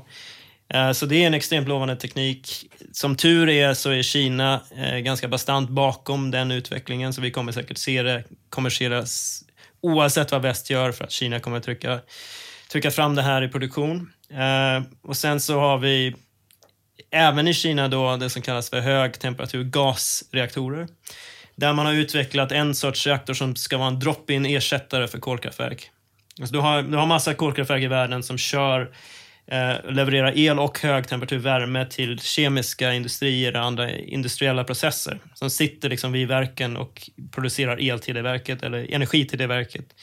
Och nu har då utvecklat en drop-in ersättare till de verken så man ska ta bort en del av kolkraftverket, behålla en del av det och stoppa in i reaktorn och sen göra de ställena klimatvänliga. Då. Så det är extremt lovande. Eh, det mesta av det här sker i Ryssland och Kina. Men eh, vi, hade ju, vi hade ju möjlighet att, eh, när vi byggde våra kärnkraftverk och vi tackade nej till det, att ta en ganska stor del av den spill värmen som vi kyler vattnet. Nu pumpar vi ut det och värmer Östersjön av någon anledning. Men vi skulle ju kunna, ha kunnat använda det till fjärrvärme. Och jag, det var någon som hade räknat ut att man hade kunnat göra Uppsala snöfritt genom att bara dra fjärrvärme under, under gatorna och bara värma upp alla gator i Uppsala eh, och så vidare från, från ja, men spillvärmen från de här eh, eh, våra nuvarande reaktorer. Eh, vad är det? Det är Oskarshamn som ligger vid Uppsala. Fors, Forsmark, Forsmark som, ja. som, som man då, men nu gör vi inte det. Um, kan man göra det med de här nya reaktorerna också? Och använda... Man kan och man borde, man mm. bör. Mm. Uh, det som man har kommit till, en, en parallell utveckling till generation 4-koncepten är mindre varianter av de reaktorer vi har idag. Så mindre i storlek och mindre mm. i effekt. Och med en säkerhetsnivå som är helt vansinnigt hög. Då. Så de har kanske en eh, effekt på säg 50-100 megawatt istället för en gigawatt, alltså tio gånger mer som vi mm. har i stora verk. Men de kan man, åtminstone i teorin och till viss stöd i tillståndsprocessen som vi ser redan idag, placera ganska nära där folk bor. Mm. Och Då kan man koppla på dem på existerande fjärrvärmenät. Så då kan man sluta förbränna, till, till exempel bränna träd då, för att mm. få fjärrvärme och, och, istället bränna uran. Stockholm bränner träd. Stockholm bränner Man både... kallar det för biomassa. Man kallar det för biomassa. Jag var och besökte Stockholms, det här nya Värtaverket. Då var det Fortum som hade bjudit in oss och vi kommer att besöka där. Och då pratade de om, om verkets utveckling. Ja, men det började med att man brände ved här. Och sen så gick vi över till, till kol. Och sen var det olja. Um, och då blir det ju, det här energislaget blir ju mer effektivt per, det, det är ju mer energi i olja då än i, än i ved då. Uh, och sen bara, och nu tar vi steget till biomassa. Så jag bara, så var okej. Okay. Och så gick vi och tittade på det här bandet när biomassa, och det är bara så här, det är träd. Ni bränner träd. Det, ni har gått tillbaka till hur det var för 120 år sedan. Men det sjuka med det är ju också att de, vi, Stockholm har ett lager på träd för att hålla vårt vatten då varmt på två dagar. Slutar båtarna komma in, och de kommer via båt då, Slutar de komma in så är Stockholm alltså is. Alltså, vi har ingen varmvatten eh, om, eh, och ingen värme i husen om bara på två dagar. Det känns inte så himla säkert. Nej, det är lite kul det där med, med biomassa. Alltså det, finns mm. ju, det är en djungel, både bokstavligt och bildligt, eh, vad man bränner och om det är mm. hållbart eller inte. Men i stort sett så är ju bi, fossila bränslen är ju gammal biomassa och biomassa mm. är ny, nya fossila bränslen. Det är, det är ju det som har legat i backen och blivit fossila bränslen. Uh, så du, när du förbränner träd så släpper du ut minst lika mycket eller mer koldioxid än när du förbränner fossila bränslen. Men det man säger är ju då över en hundraårsperiod så mm. kommer träd växa upp igen och suga mm. åt sig det. Det som är problemet med det är ju liksom Greta-vinkeln av att det är ganska bråttom och att det som sker om hundra år, om, om träd suger åt sig det här kolet igen, om, liksom, långt in i framtiden påverkar inte vad vi gör just nu. Så det, det är lite av en bokföringsbluff, en av många bokföringsbluffer i det här som, som Sverige och Finland är stort medskyldiga till, för vi har en mm. väldigt stark skogsindustri. Så en del av den här förbränningen är vän, klimatvänlig och hållbar. Det är liksom grenar och toppar och stumpar och grejer som man inte kan använda till någonting annat. Som skulle förmultna ändå, liksom, det, det kan vara lika bra att bränna. Men sen så har man ju en del av det här som är väldigt skadligt på många sätt, som inte belys alls. Och vi i vår liksom, accounting säger att det är nollutsläpp på allt. Totalt mm. noll. Vilket är lite sådär. Ja. Det här med fossilfritt och förnybart. Ni eh, har ett resonemang runt eh, vad skillnaden är och liksom varför det ena är att föredra framför det andra. Mm, liksom I, I rätt breda lager tror jag att man bara hör så här, ja, men du är miljövänlig. Du bryr dig om något av de begreppen. Vad är vad och varför är det ena att föredra? Inget av dem är perfekt, men förnybart är ett nonsensbegrepp som begrepp. Det har inget värde, det har ingen formell definition. Eh, kan, du kan ha förnybara saker som är fantastiska för klimatet och för miljön, som, som solpaneler och vindkraftverk.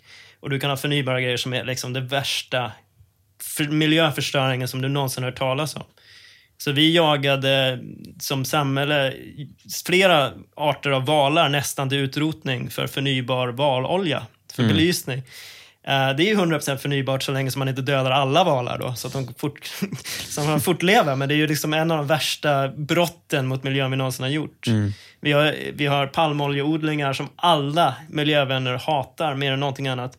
De kom till på grund av eh, krav på mer förnybara bränslen i, i bi, drivmedel. Mm. Det är därför vi har palmoljeodlingar. Det är förnybart, men det är fruktansvärt. På alla, alla sätt vi bryr oss om miljö och klimat så är det fruktansvärt, men det är förnybart.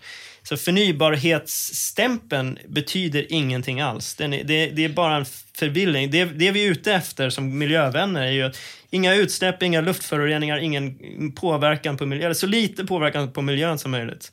Begreppet förnybart har ingen relevans där. Begreppet fossilfri har viss relevans. Eh, den, är, den är bättre, den är närmare sanningen.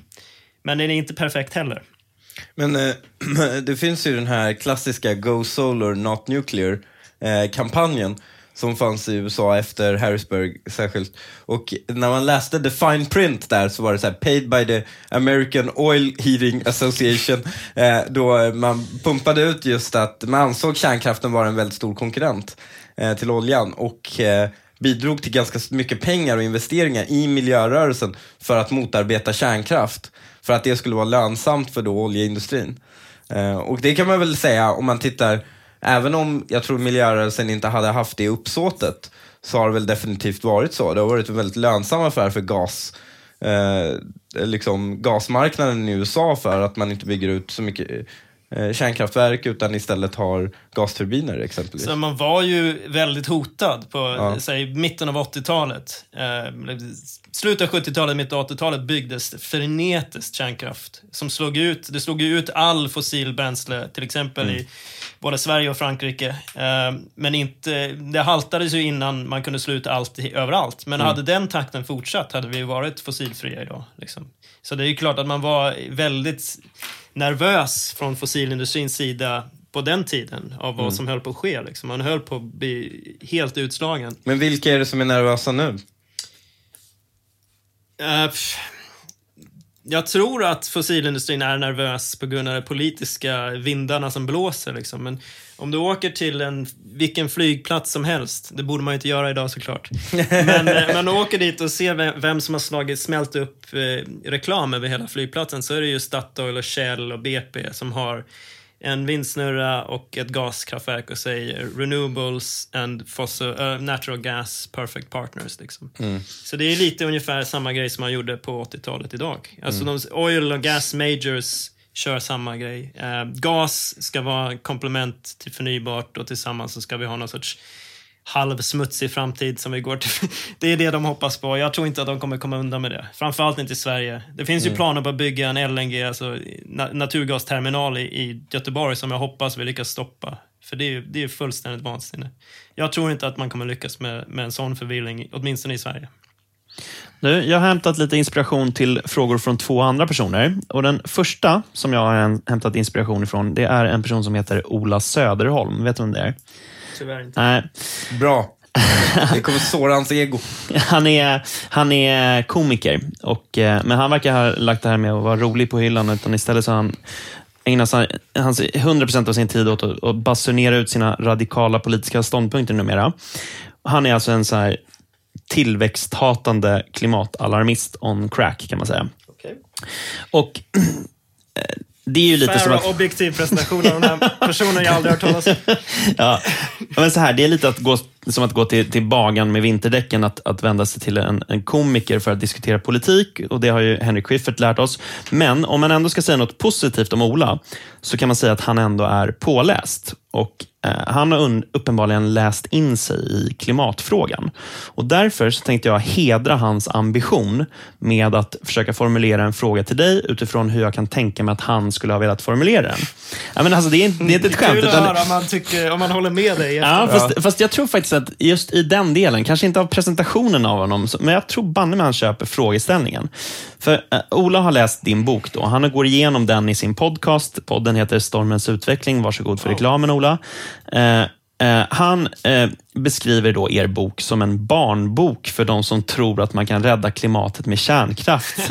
eh, när det egentligen är All helt right. kört. Liksom. Så han är då, han, han är, du vet, om man tänker så här, det finns de som säger att man ska springa mot bunkrarna liksom, för snart kommer krisen. Han menar ungefär att bunkrarna är inte byggda, vi har inga ben att springa med och krisen är redan här. Liksom. Där står han ungefär. Eh, och jag, jag, jag måste för övrigt berätta det. Det, det. det är rätt ironiskt också. I det här avsnittet så passar han på att, att ge sig på Steven Pinker som ju skriver förordet till er bok. Va? Ja, Fan vad fett. Ja, det är fett som fan. Eh, och eh, Ola menar att Pinker är en självutnämnd expert till allting, typ. Men det är lite roligt att han säger det när han själv då som komiker iklädde sig rollen av klimatexpert. Men, ja. Men i varje fall, eh, här kommer då eh, vad jag tänker mig är Olas fråga, så som jag tänker mig den. Då.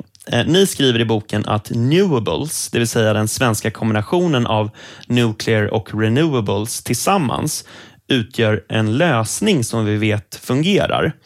Och men det är ju bara energidelen av klimatfrågan. Alltså, och bokens underrubrik är En fungerande lösning på världens största problem. Det ger ju vid handen att kärnkraft eller renewables löser hela klimatkrisen.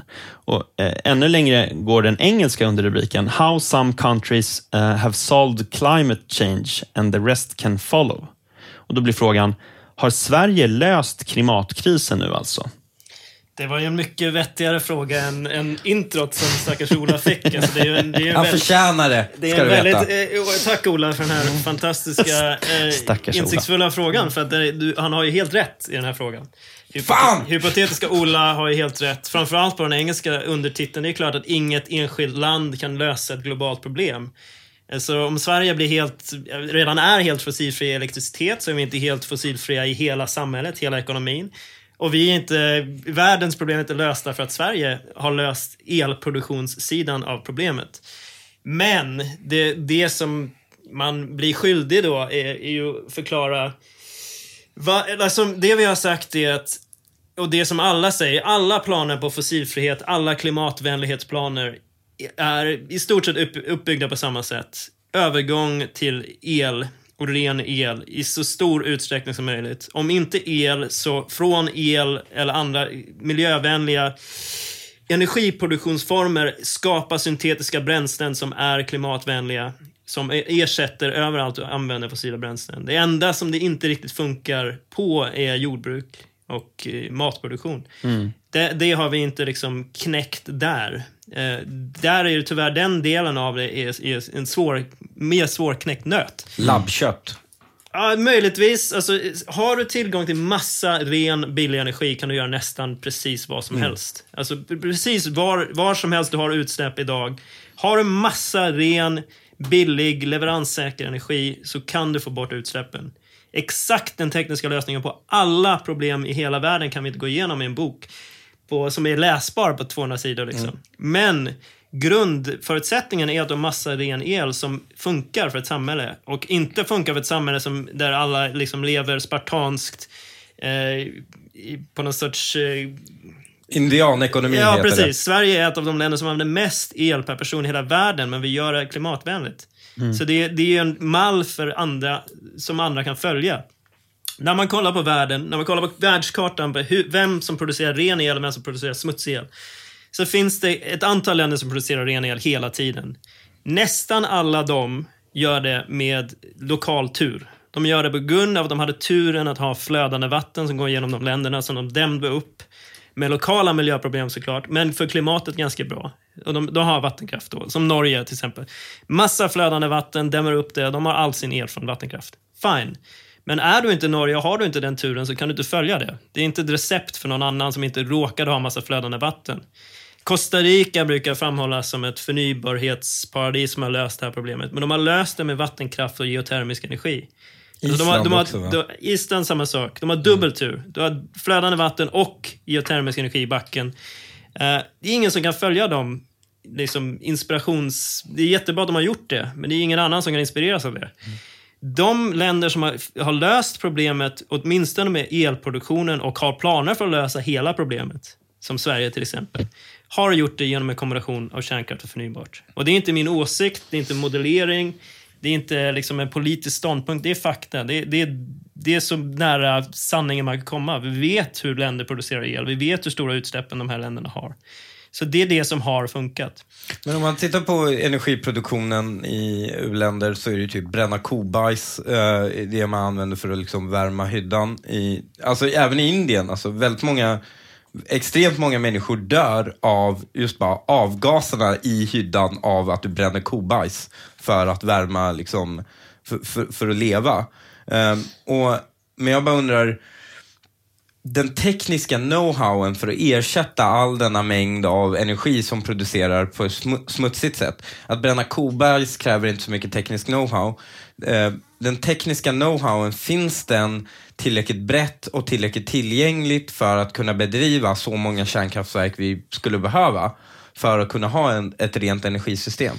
Nej, du måste skala upp eh, det här ordentligt ordentligt. Det, det krävs inte särskilt mycket människor som vet hur ett kärnkraftverk fungerar för att köra typ ett halvt lands energiförsörjning. Så det är inte särskilt många hundra personer Nej. i Sverige.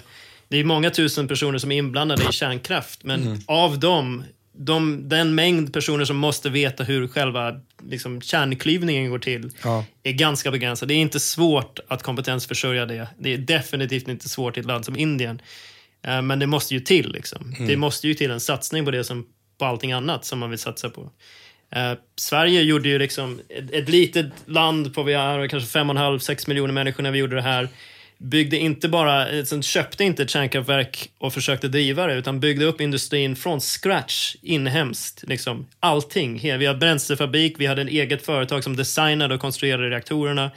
Det var liksom i stort sett allt inhemskt på ett litet land som, som gjorde det på typ 15 år. Men det, vi var ju så jävla bra. Vi var fantastiskt jävla bra. Ja. det, det går inte att sticka under stol med. Men jag menar, det men kanske är lite svårare för Afghanistan att kicka igång det liksom. Men det är också en sak som vi alltid framhåller. Mm. Så när man säger, dels så är lösningen inte 100% kärnkraft. Mm. Det är inte 100% kärnkraft någonstans. Det kommer aldrig vara kostnadsoptimalt att vara 100% kärnkraft.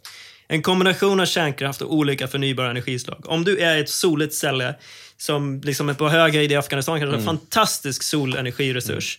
Bygg massa solpaneler. Komplementera det på ett kostnadseffektivt sätt med pålitlig el. Liksom, om du är på ett väldigt vindigt ställe, bygg massa vindkraftverk.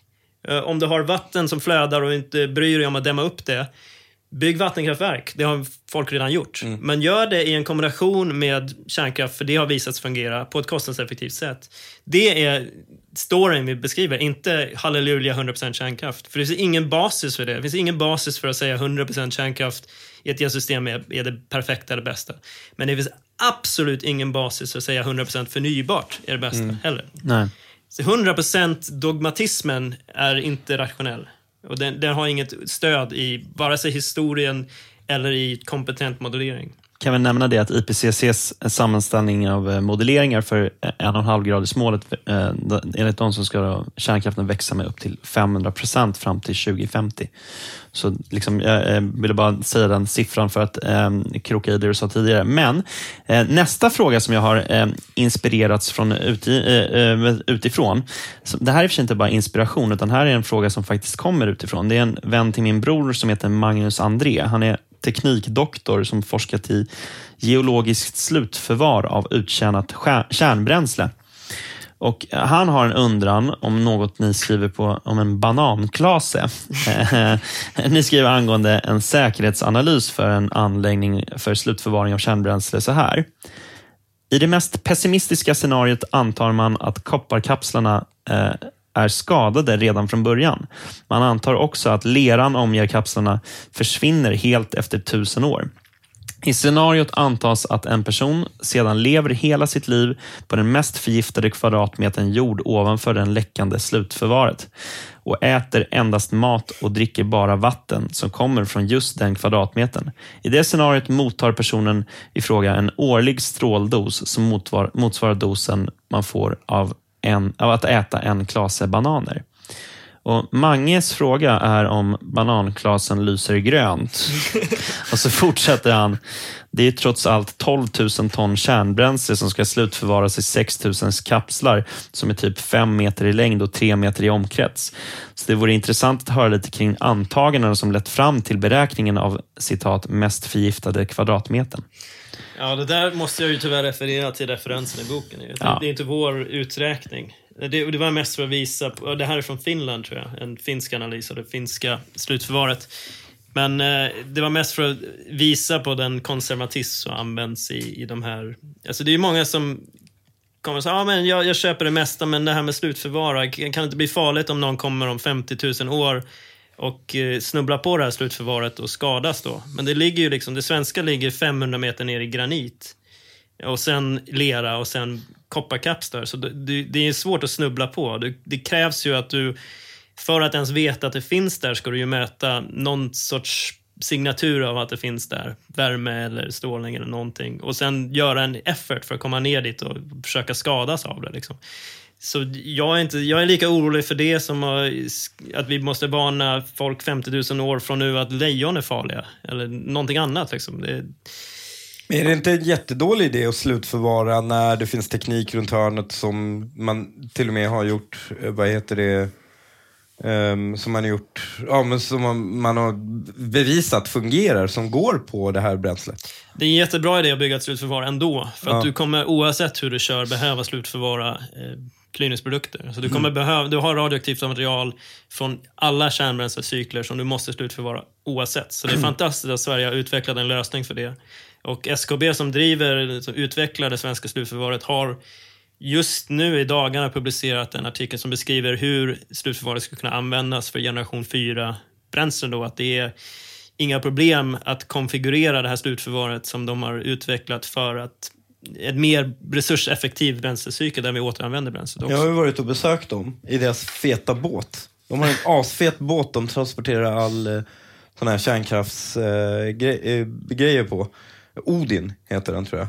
Och eh, den... Eh, Jag tror det var kvinnonamn, det brukar alltid vara båt. Sig, Sigrid, Sigrid. ja, något sånt var det. Isbrytare brukar vara äh, namn på män, eller Ja. manliga namn. Men eh, de bryter ju ny mark. Nej men... Eh, eh, nej men, eh, ja men de, det, hette något eh, sådär väldigt gammalsvenskt. Och sen så, de visade ju upp då eh, hur de hade tänkt bygga det här slutförvaret. Och det såg ju jävligt fett ut. Men min spontana fråga är så här, men fjärde generationen då? Men, men, så det har de också lyckats lösa.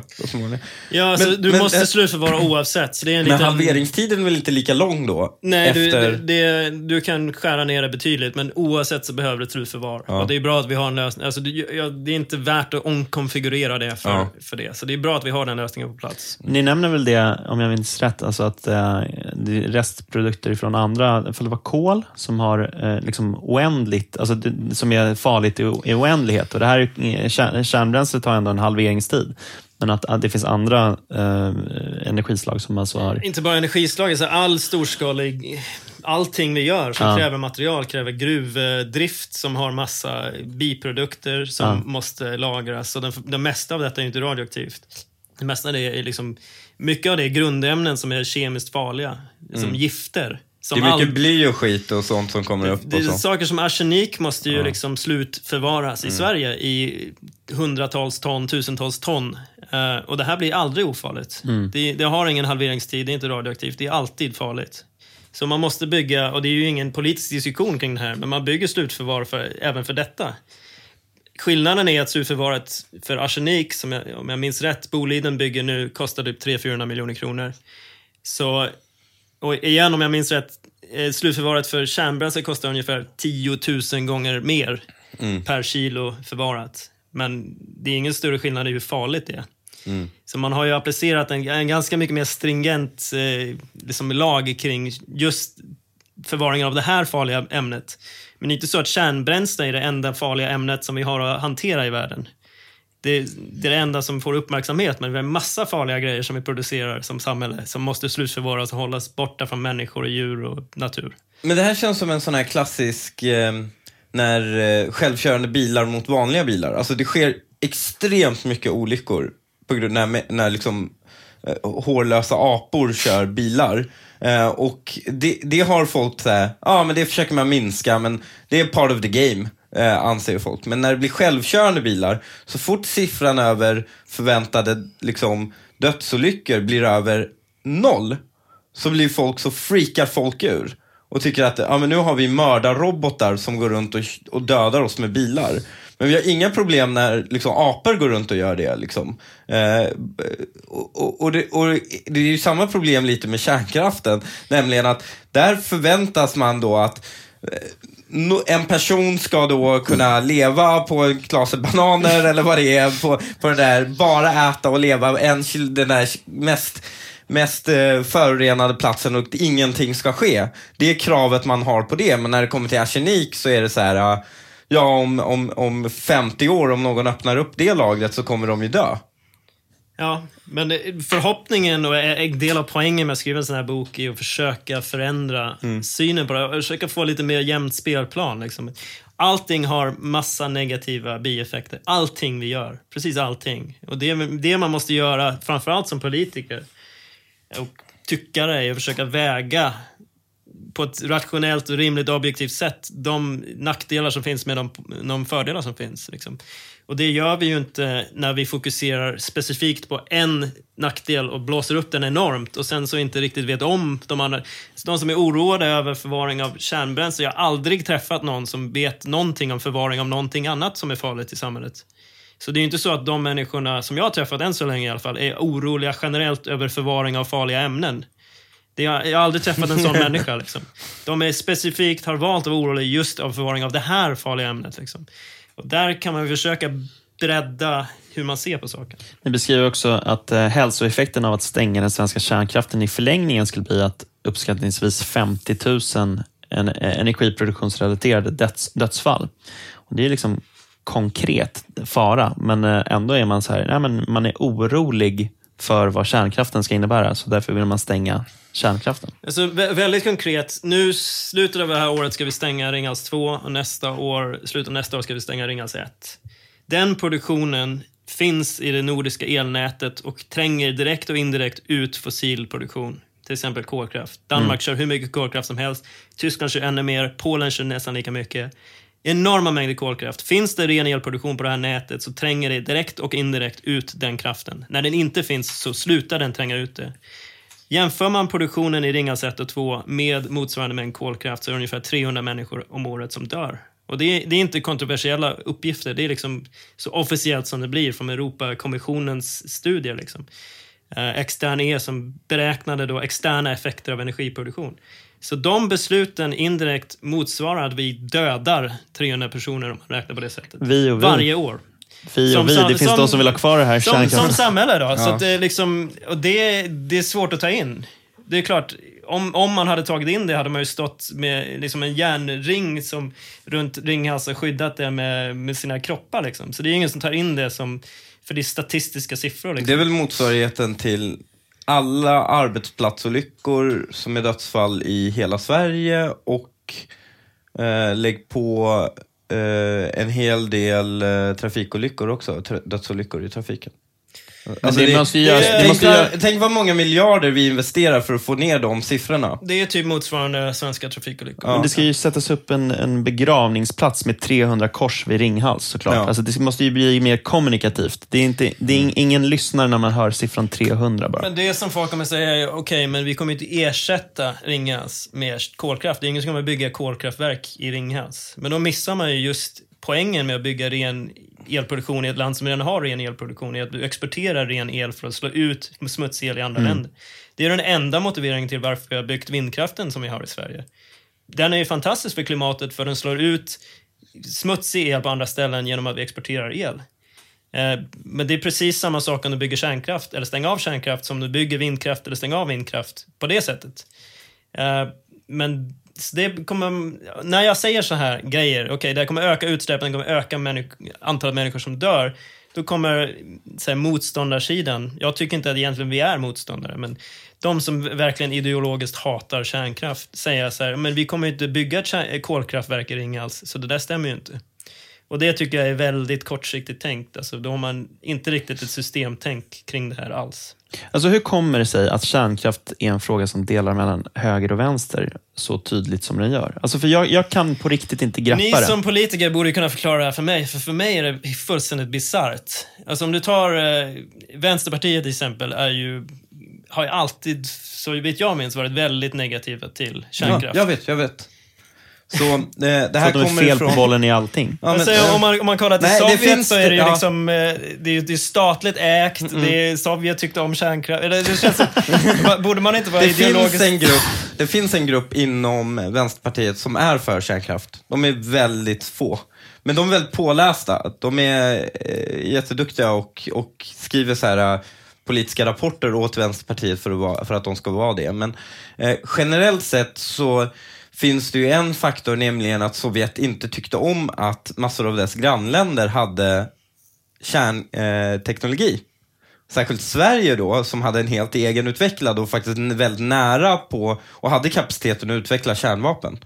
Eh, så då finansierade man rörelser som hette typ så här, läkare mot kärnkraft eller kärn, eh, Eh, eh, läkare mot eh, kärnvapen, men då ingick kärnkraftsmotståndet i det här också. Och då var det kärn liksom fissionsfria kommuner, så man hade så här kampanjer och finansierade en stor del av både fredsrörelsen och, och eh, diverse sådana här konstiga yrke mot X-rörelser eh, som då simulerade ett folkligt motstånd mot kärnkraften och spred väldigt mycket information. Och det var ett sätt för dem att eh, minska så att säga sina grannländers eh, eh, helt enkelt vilja att utveckla kärnenergi. Jag ska säga att jag, jag har ju sett en viss förändring i det här. Jag, jag bor inte i Sverige, Mm. inte, inte särskilt intresserad av svensk politik, höger och vänster. sådär, Men jag hade ett seminarium i riksdagen i maj och en av de som var mest positiva och optimistiska kring det jag sa då var en aktiv miljöpartist till exempel. Så att det, det sker ju en, en förändring framförallt på grund av klimatfrågan. Folk börjar kolla på klimatfrågan mer allvarligt, ser vad IPCC säger är klimatvänliga sätt att producera el på till exempel.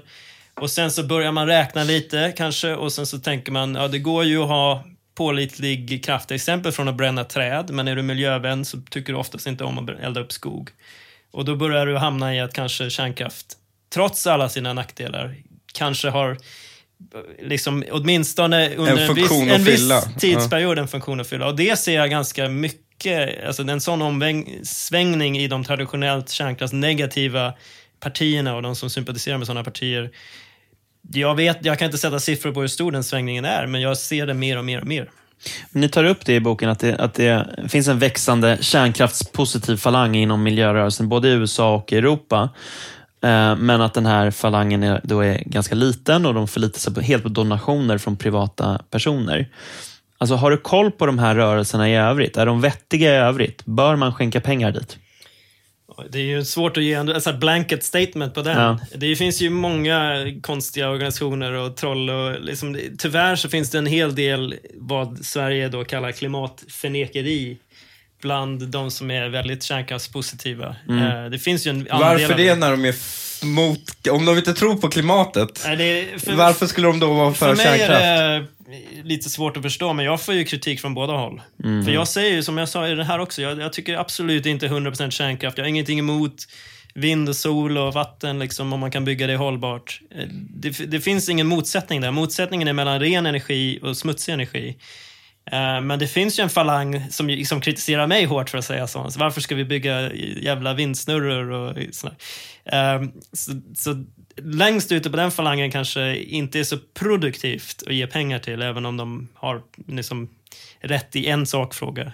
Men sen finns det ju, tycker jag, pragmatiska personer som delar av den här ekomoderniströrelsen till exempel, som är helt öppna för alla tekniska lösningar och försöker göra det måldrivet. Liksom. Man försöker, vi har ett mål, vi ska inte förstöra miljön och klimatet och låt oss använda alla verktyg som vi kan på rätt sätt. Om du hittar en sån gruppering så kan du försöka stödja det. Liksom. Men ingen av de här grupperingarna får ju något sorts statligt stöd eller någonting, någon reell finansiering. Det är ju mest eldsjälar som sitter och skriver på internet. Liksom. Jag såg en eh, väldigt intressant graf som både hade tittat på kostnaden för belysning, eh, men också bara kostnaden för energi genom, tiden, genom tiderna och i olika samhällen.